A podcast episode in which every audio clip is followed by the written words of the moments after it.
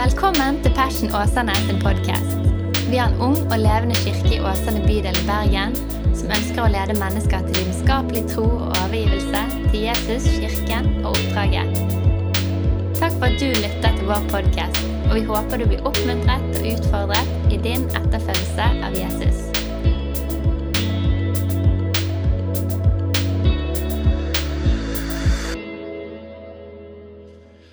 Strekker seg over tre uker, denne serien som vi skal ha nå. Så dere som er på besøk her i dag, dere får heller henge med på podkast hvis ikke dere kommer tilbake igjen. Men et liv i frihet. Dette ordet frihet, når du hører det, så tipper jeg at du er mest sannsynlig sånn som meg, at det vekker noen lengsler i deg. Lengsler i deg for det som du lengter etter skal få lov til å bli en virkelighet i livet. Kanskje på et område av livet, kanskje i en relasjon, kanskje i en oppstendighet. Og kunne få lov til å erfare frihet på et vis. Men hvis du òg, sånn som meg, så tror jeg at dette ordet frihet vekker òg kanskje en følelse av sorg over de stedene i livet der det ennå ikke har blitt sånn som man så for seg at det skulle bli.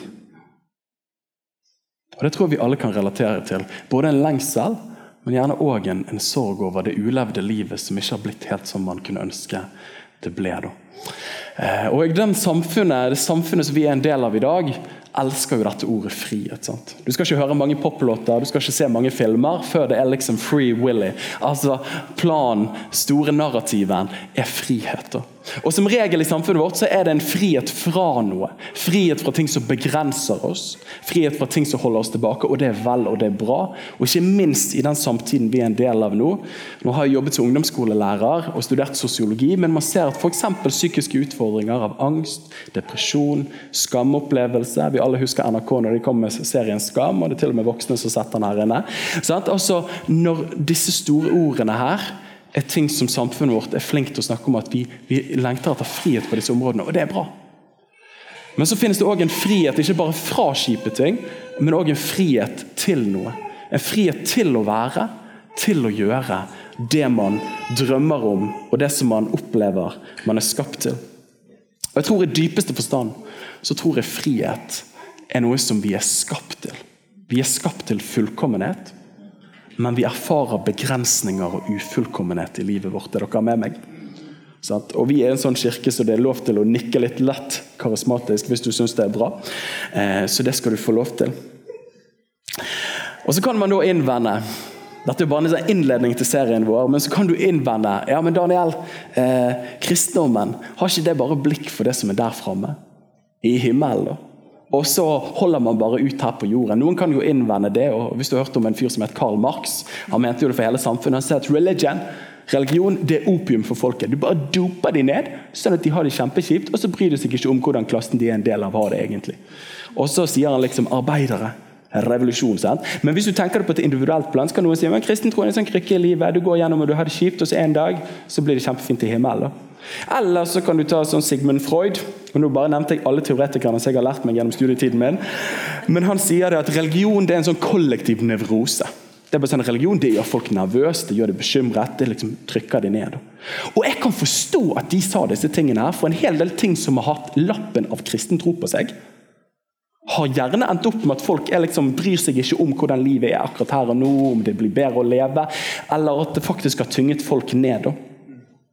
Det tror jeg kan være helt sant, og at det ikke har ledet mennesker inn i den frihet som jeg faktisk tror det kristne budskapet har til mennesker. Ikke bare for himmelen, det er great news, men òg for det livet vi lever akkurat her og nå. Pulsen som slår i årene, tankene som går i toppen. At livet kan bli bedre i dag gjennom fortellingen om Jesus. Da.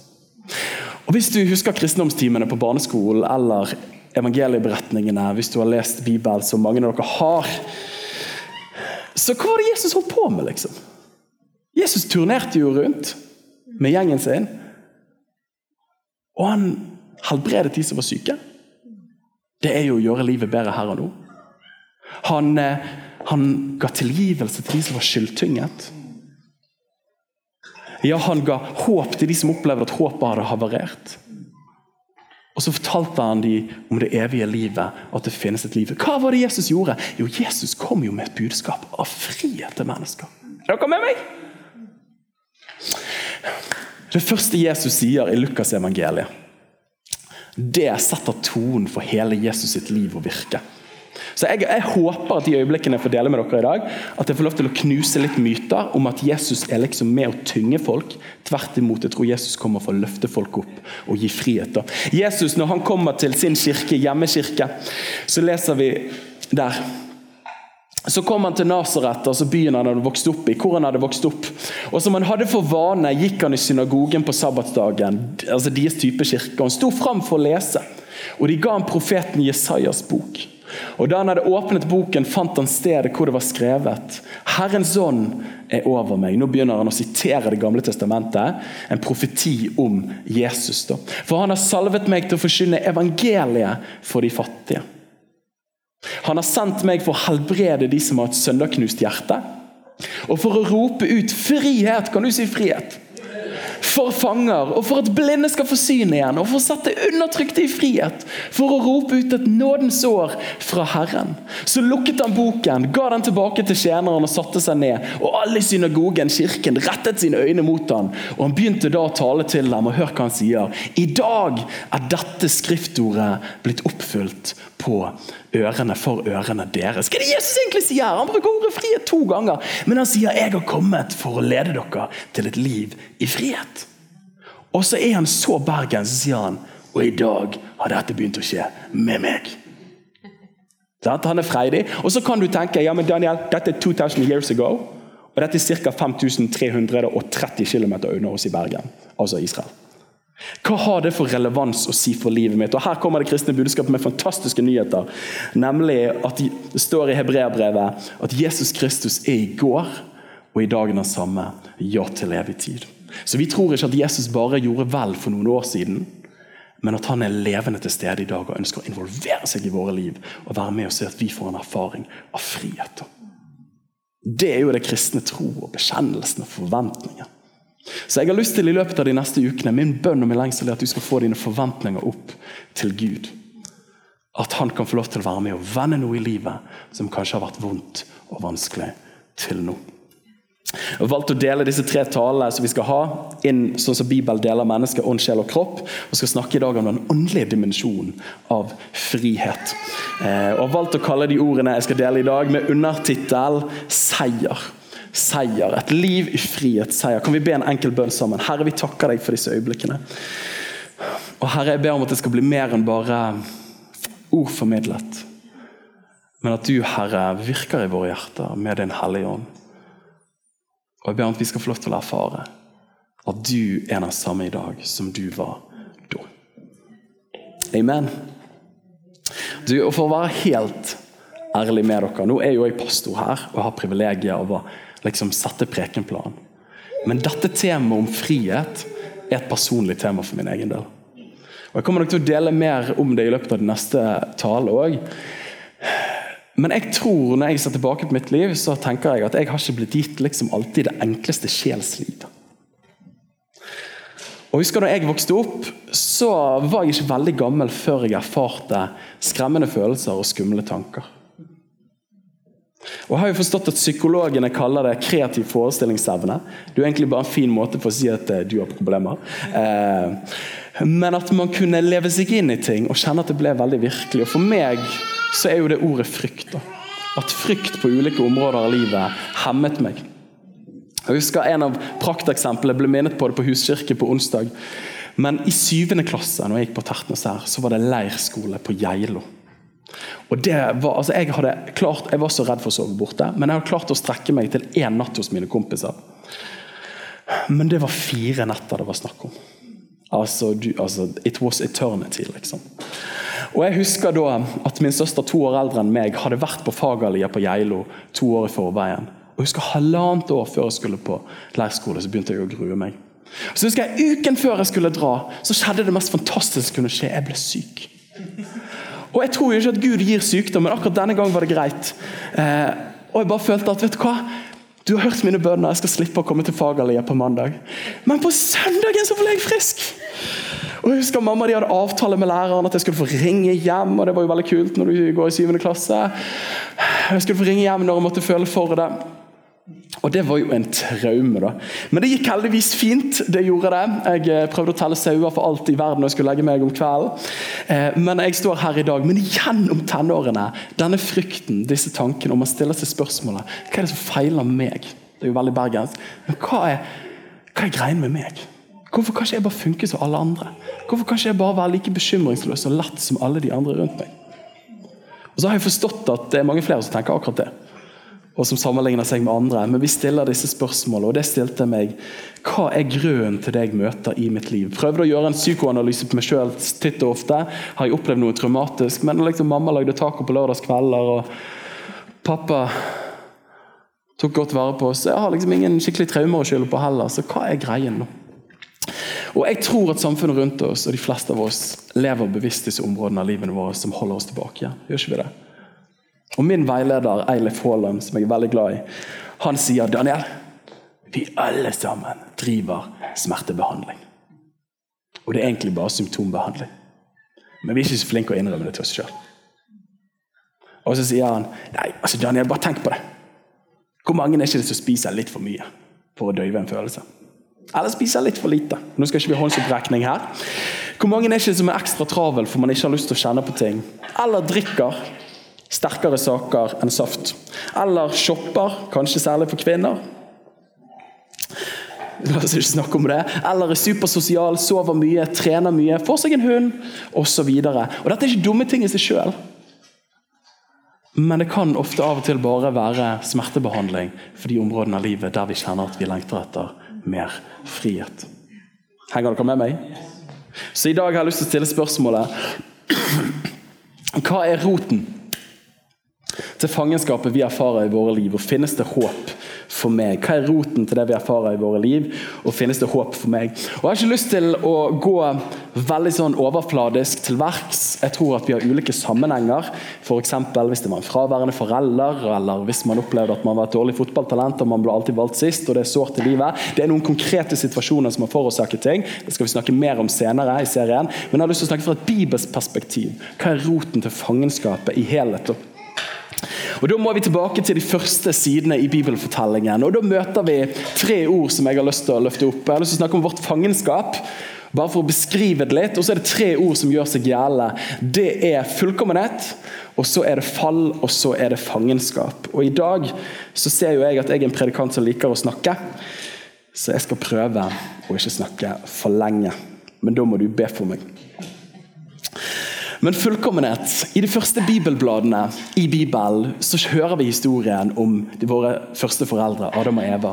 Gud skaper verden. og så vet jeg ikke hvordan du tar til deg den historien, men uansett, Bibelen beretter det sånn at, at Gud skaper verden, skaper dyrene, skaper alt levende.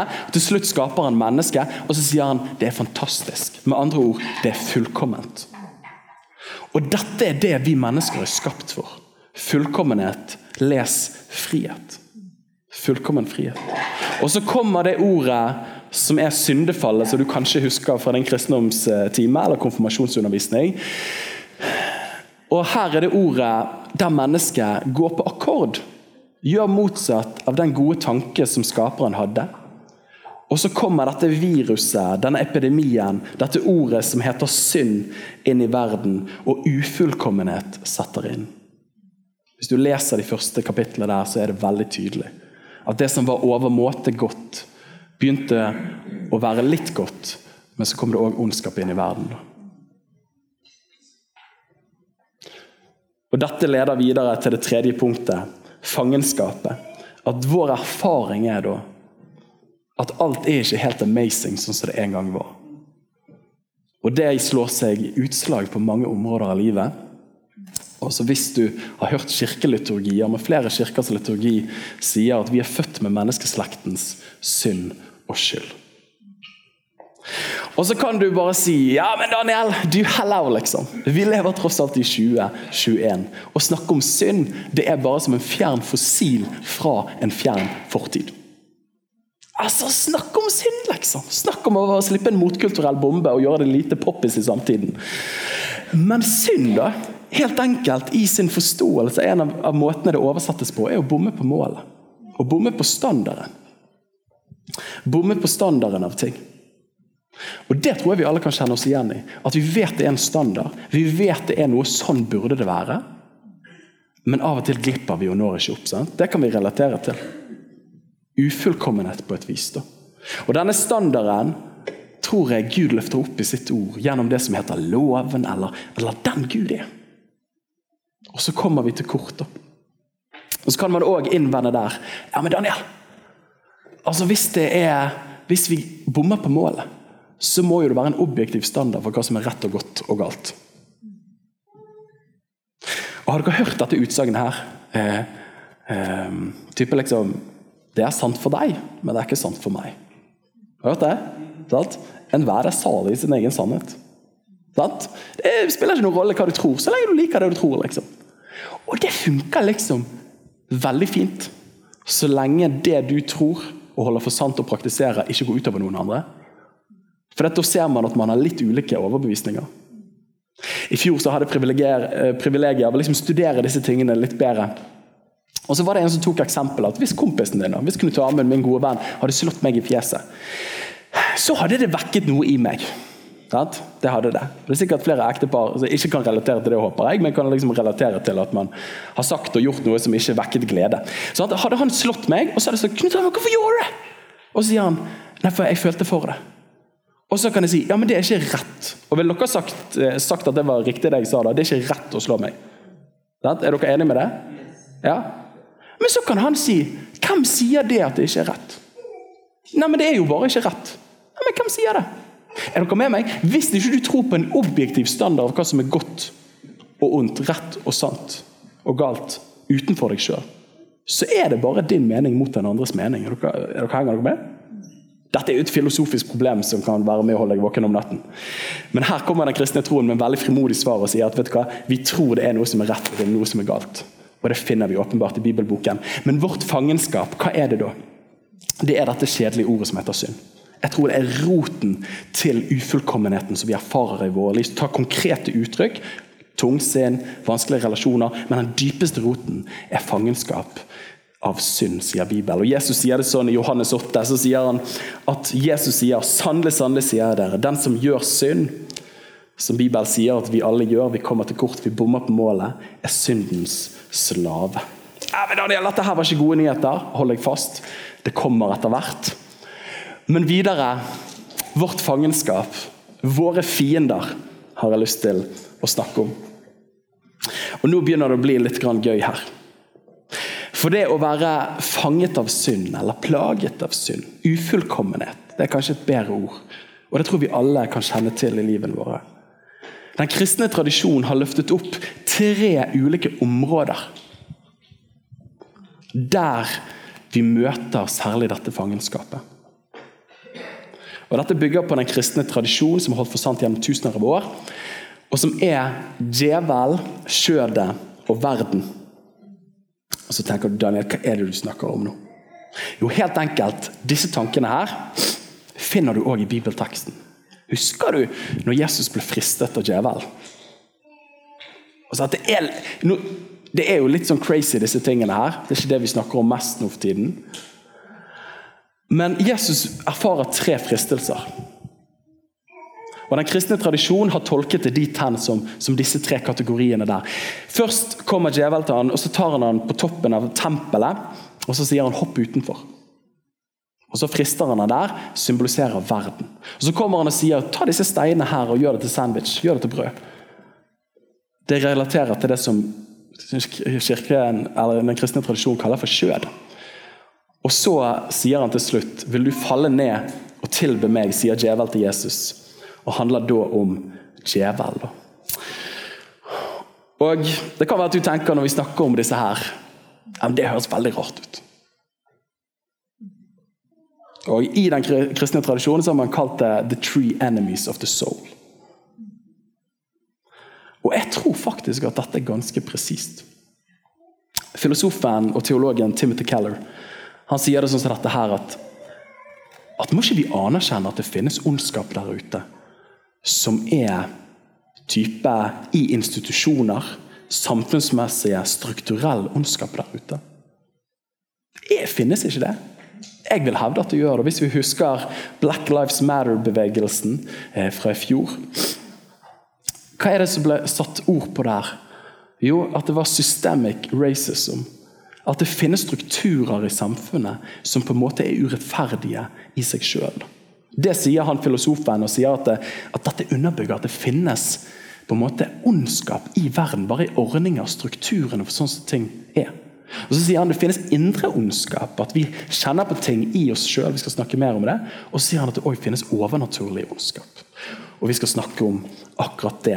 Og Da har jeg lyst til å knekke disse opp. og vet du hva, Heng med meg. Hvis du føler at dette er litt science fiction, og du er ikke vant til å høre sånne ting som dette her, så tenker jeg du har veldig godt av det i vårt norske land, der vi snakker mest om brunost og hvitost og det vi kan se med øynene våre. Men vi skal snakke litt om djevel. Oi, oi, oi. Og Den kristne tese er at synd møter oss først og fremst gjennom djevelens løgner. Bibelen er liksom skikkelig tydelig på at det er noe som heter djevel. altså. Oh my goodness. Og, Vi kan gjerne se for oss en mann i trikot og med en gaffel og to horn på liksom Donald Duck skulder. Og jeg er helt enig, Det finnes mye Hollywood-bilder av hva djevel er for noe. og Det kan vi få lov til å avskrive. Du har ikke nødt til å kjøpe hele pakken. Men Bibelen er veldig tydelig på at ondskap har personlighet. Og han får navnet Satan, djevel, Belsebul, den onde i både Det nye testamentet, men også i Det gamle testamentet. Og Jesus beskriver djevel og sier at den primære måten han angriper oss på Hør på det her, Johannes 8, 44. Han sier om, om djevel at han er en morder fra begynnelsen. Står ikke i sannheten, for det er ingen sannhet i han. Når han taler løgn, taler han ut fra sitt eget, for han er en løgner og løgnens far. Og nok en gang, Dette treffer jo dårlig i en postmoderne tid som vi er i som er opplysningstidens barn, der det eneste som er virkelig, er materialismen, det vi kan ta og føle på, og rasjonalismen, det som gir mening én pluss én er to. Men så tror jeg òg at de fleste av oss, om man tror mye eller lite, må anerkjenne at det må være noe mer. Og jeg husker når jeg gikk på barneskole, så var det et program som var veldig populært, som var Åndenes makt. Jeg fikk jo ikke lov til å se det. Mamma sier jeg får ikke lov til å se, da får ikke du arv. Eh, men jeg fikk ikke lov til å se det. Men sant, der lever jo man i en tid. Vi tror ikke på sånne ting. Men sykt spennende å se på det programmet der. liksom. Herlighet. Jeg tror jo ikke på det, men, men oh my goodness, liksom. Hvordan funker de greiene der? sant? Og det er ikke uvanlig å høre folk si det er mer mellom himmel og jord. Sant? Eller at man eh, eller at man kan si at det spøker i huset. Hvor mange har ikke møtt mennesker som sier det spøker i dette huset? her? Liksom. Det er noen som banker. Tre på natten hver natt så er det noen som banker. liksom. Men jeg tror ikke på det.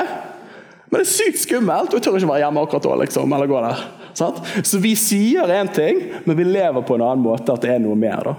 Og det er Noen som har sagt at det finnes ingen ateister i krig. For det at idet kulene begynner å regne, så ber alle. Ikke sant? Så jeg tror vi alle må anerkjenne at det er noe mer enn det vi kanskje har lært i skolebøkene våre, og det vi har lært i liksom opplysningstiden, som ikke alltid har opplyst oss på alle områder.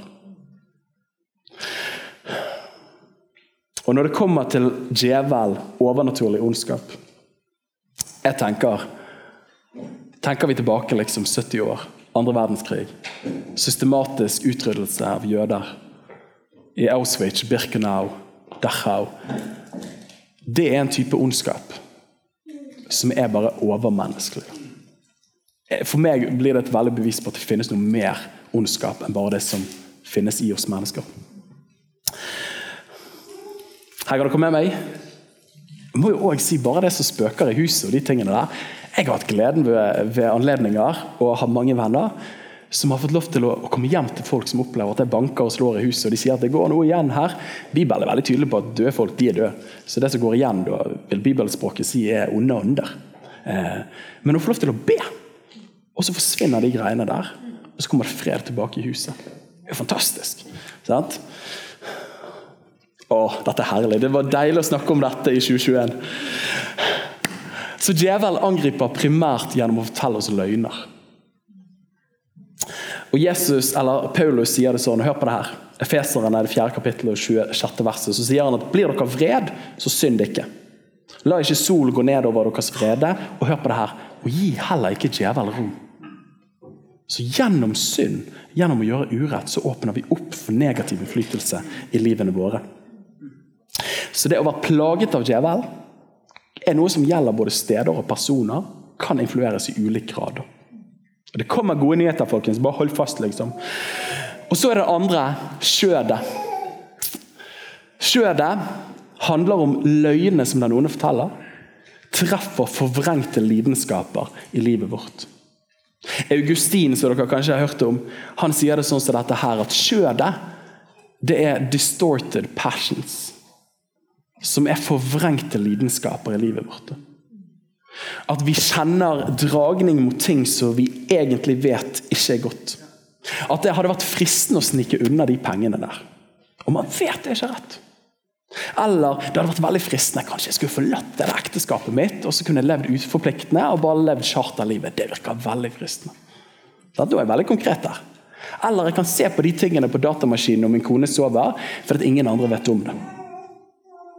Nå snakker vi helt ærlig her. Hva er greien her? Jo, Bibelen sier at, at synden, fangenskap av synd, en av fiendene det møter oss konkret gjennom, er ikke bare den onde sine løgner, men òg at vi har fordervede lengsler og lyster og kjærligheter i livet vårt. Og det, det, tror jeg er såpass eh, brutalt at vi alle kan kjenne oss igjen i det til en viss grad.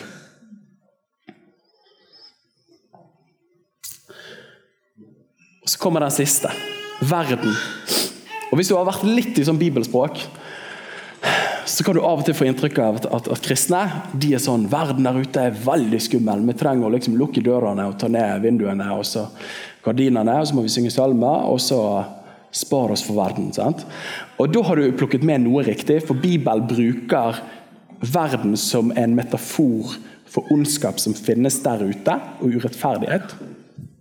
Men det betyr ikke at alt i verden er kjipt, på samme måte som alt i oss er ikke kjipt. Men verden er da stedet der våre forvrengte lidenskaper blir en del av kulturen og populærkulturen som preger oss. da. Tok dere den? Jeg, jeg, synes, jeg, vet ikke om jeg klarer å formidle det helt til dere, men heng, heng med meg. da. Hvis du ser liksom for deg, Jesus sier at hovedmåten djevel plager mennesker på, er å fortelle løgner. Og det treffer ofte forvrengte lidenskaper i oss. F.eks.: Hadde det ikke vært fint å forlate det ekteskapet ditt?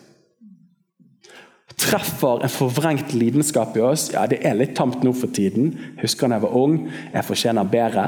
En forvrengt lidenskap. Som igjen samfunnet rundt oss, verden, finnes noen krefter der som på en måte er tilbud til etterspørsel, etterspørsel som de forvrengte lidenskapene har i oss. Ja, vi håper det gikk på. Hva er poenget? Verden der ute Det er ikke alt som er kjipt, men den, den, har på en måte tilpasset mange av våre forvrengte lidenskaper. F.eks. lengsel etter en, en, Man sier vel det når man har studert det. Nå jobber jeg i en medieorganisasjon der vi reiser rundt og har seminar om pornografi og de tingene, og kunne få lov til å leve et liv i frihet fra de tingene. Men at, at den type nettsider som finnes mest av i verden, er jo nettopp pornografiske sider. Hvorfor det? Jo, for det spiller på et behov av noen forvrengte lidenskaper i oss. Er dere med meg? Og Jesus og Guds ord sier i 1. Johannes elsk ikke verden eller de ting som er i verden. Hvis noen elsker verden, er vår fars kjærlighet ikke i ham. For alt som er i verden, kjøttets lyst, øynes lyst og stoltheten i livet, er ikke fra Gud, men av verden. All right. Så dette er fangenskapet. Dette er fiendene vi møter, og dette er en tøffere preken enn jeg pleier å preke. og Det kom akkurat på barnevernssignelsen, så jeg håper det går bra. Men så ender heldigvis ikke det kristne budskapet med sorg, men det ender med seier, som er under overskriften for budskapet i dag. Og Den siste overskriften er 'Vår frelser'. Vår frelser. Og Når du hører ordet påske, så går tankene fort til påskesjokolade, påskefri, påskeføre, påskeferie osv. Men the reason for the season så den har vi nesten glemt, til og med vi kristne. Før så feiret vi gudstjeneste på alle de store dagene i påsken. I dag er vi liksom glad hvis vi klarer å samle menigheten til én dag i påsken. Men påsken er jo utropstegnet for den største seieren som funnet sted i historien. Nemlig at Jesus ble død, men så sto han opp igjen òg. Det er det største klimakset i verdenshistorien. Og hvorfor det, venner? Jo, fordi at der vant Jesus vår frihet tilbake igjen. Og Nå kjenner jeg jeg blir giret, for nå begynner jeg å preke meg varm her. Men det som er så fantastisk her, er jo at fangenskapet vårt, fiendene våre, møtte en overmann når Jesus, vår frelser, ble korsfestet og sto opp igjen. For hva er det egentlig som skjer? Jo, i teologien snakker man om forsoningslære, som er et vanskelig ord, som du ikke trenger å huske. Men det er to ting som er liksom primærbeskrivelsene som Bibelen bruker av hva som fant sted når Jesus døde og sto opp igjen. Det første ordet er stedfortreder. Og Det bruker ikke Bibelen, men den kristne tradisjonen prøver å samle alle bildene og beskrivelsene som Nytestamentet har av hva som skjedde. Jesus er vår stedfortreder. Hva handler det om? Jo, at vi hadde syndet, som er roten til alt fangenskap. Men Jesus er vår stedfortreder og står i vår plass. Lever livet vi ikke kunne leve, og vi får lov til å erfare frihet. Og så er han òg seierherre. At gjennom synd fikk de onde kreftene makt over oss. Men så sier Bibelen òg at Jesus er seierherre. Han vant over de onde kreftene. Stedfortreder og seierherre. Stedfortreder og seierherre. Dette er veldig, veldig gode nyheter, kjære venner.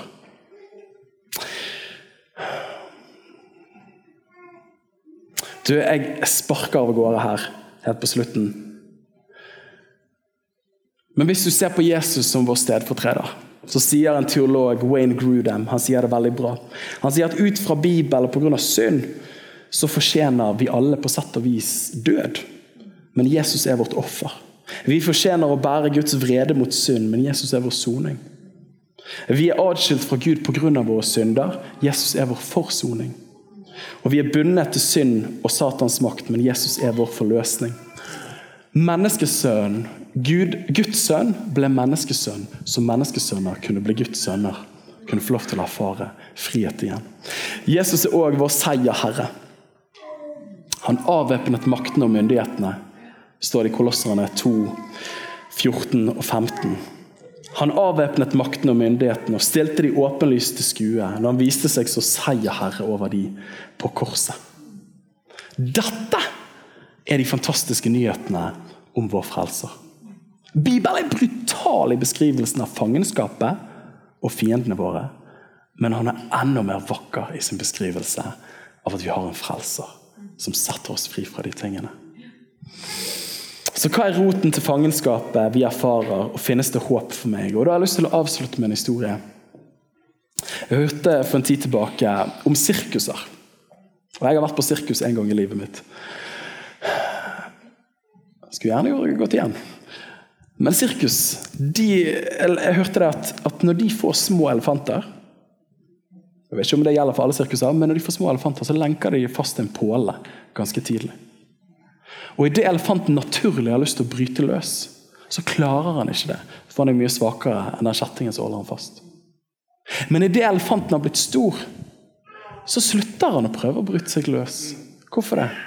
Fordi han, fangenskapet sitter i sinnet. Men han har egentlig muskler til å bryte seg løs.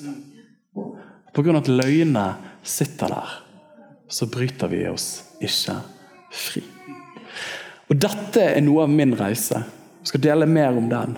Men jeg møtte med frykt og angst at jeg følte jeg måtte kjempe en frihet, jeg måtte kjempe en kamp for å bli løst. Det kristne budskapet som er frigjørende, er jo det at vi tror at Jesus kjempet kampen for oss. Sånn at vi slipper å kjempe han, og vi kan få lov til å erfare frihet. Jeg husker En gang jeg var i bønn, så opplevde jeg å få tanken jeg tror det var Den hellige ånd som sa Daniel, hvorfor kjemper du en kamp som allerede er vunnet? Allerede er vunnet. Så den kristne kjemper ikke for frihet, men fra frihet. At Jesus sier 'det er ferdig' i Johannes 1930. Det er fullbrakt. Det er ferdig. Paulus sier det rett fram til oss som er disipler. Han sier 'stå fast, stå fast', for til frihet har Kristus frigjort dere. Men hvor mange av oss lever ikke lenket når Jesus egentlig har kjøpt en forløsning til og for oss? det? Og helt til slutt, helt til slutt, hvordan kan dette erfares i mitt liv? Og Det er det siste jeg har lyst til å si i dag. Hvordan kan jeg erfare denne friheten i mitt liv? Og Jeg vet ikke hva område det heter den utfordringen du måtte stå overfor. Kampen, utfordringen. Men jeg vet det ut fra en kristen tanke, at den dypeste roten til fangenskapet og ufullkommenheten vi møter, har Jesus vunnet over. Og det heter evangeliet. Gode nyheter betyr det. Og hva skal vi gjøre da? Jeg tror vi kan få lov til å ta imot evangeliet først. Ta imot evangeliet det handler om å høre hva Jesus har gjort for oss. Bare hør dette budskapet om at det finnes frihet. Og Det andre er å tro evangeliet. Tro at det Jesus gjorde på korset, var nok for å rive opp roten av fangenskapet i vårt liv. Og så det tredje å våge å trå ut. Prøve å strekke den lenken som har holdt fast på det området, den avhengigheten, det tankemønsteret, den angsten, den depresjonen, de utfordringene. Og prøve å strekke den lenken og si vet du hva, jeg har hørt at Jesus satt meg fri. Jeg velger å tro det, og jeg velger å trå ut i tro. For at Jesus han har kalt hver og en av oss til et liv i frihet. Ikke bare der framme, men vi kan erfare det i dag. Og Jesus er vår seier. Amen. Du kan få lov til å reise deg opp. Skal vi ta og be sammen? Skal vi synge en lovsang til slutt? Vi tar bare et par øyeblikk eh, i bønn nå. Jeg vil at eh, Før jeg ber, så har jeg lyst til å oppmuntre deg. Hvis vi har et par øyeblikk i fortrolighet med oss sjøl og i stillhet uten å bry oss for mye om sidemannen. Kanskje du føler deg fortrolig med å lukke øynene igjen og, og ha et par øyeblikk av, av privathet. Så jeg har lyst til å, å, be deg om å tenke på det området eller de områdene der du kjenner Jesus. Her kunne jeg ønske at det kom en ny frihet i livet mitt. Her har jeg en lenke som holder meg tilbake. Og skal vi be med frimodighet til dette navnet Jesus, som er over ethvert annet navn. Ja, Jesus, vi takker deg for at du elsket oss og elsker oss.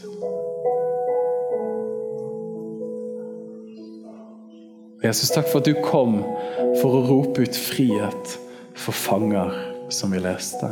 Og Herre, takk for at du er den samme. Og nå ser du, Gud, de områdene av livene våre her inne. Om det er tanker, om det er relasjoner, om det er omstendigheter, om det er tvil. Om det er krevende traumer og minner. Jesus, nå bare holder vi disse tingene opp for deg. Og så sier vi, Jesus, vil du komme og ryke lenkene? Vil du komme og la oss få trå inn i den friheten som du allerede har gjort ferdig for oss? Så i Jesu navn så taler vi over enhver lenke, over ethvert festningsverk, og vi befaler i Jesu navn bli brutt. Vi taler frihet. Et liv i frihet og seier. I Jesu Kristi navn. Jesu navn. Amen. Amen. La oss synge lovsang sammen til slutt. For at du lyttet til vår podkast. Hvis du synes det var bra, så del den gjerne med noen flere. Vil du vite mer om hvem vi er, hva som skjer, og kanskje besøke en av våre gudstjenester, se vår nye hjemmeside på passionåsane.no eller følg oss på sosiale medier. Helt til slutt, ta imot Herrens velsignelse. Herren velsigne deg og bevare deg. Herren la sitt ansikt lyse over deg og være deg nådig. Herren løfte sitt åsyn på deg og gi deg fred.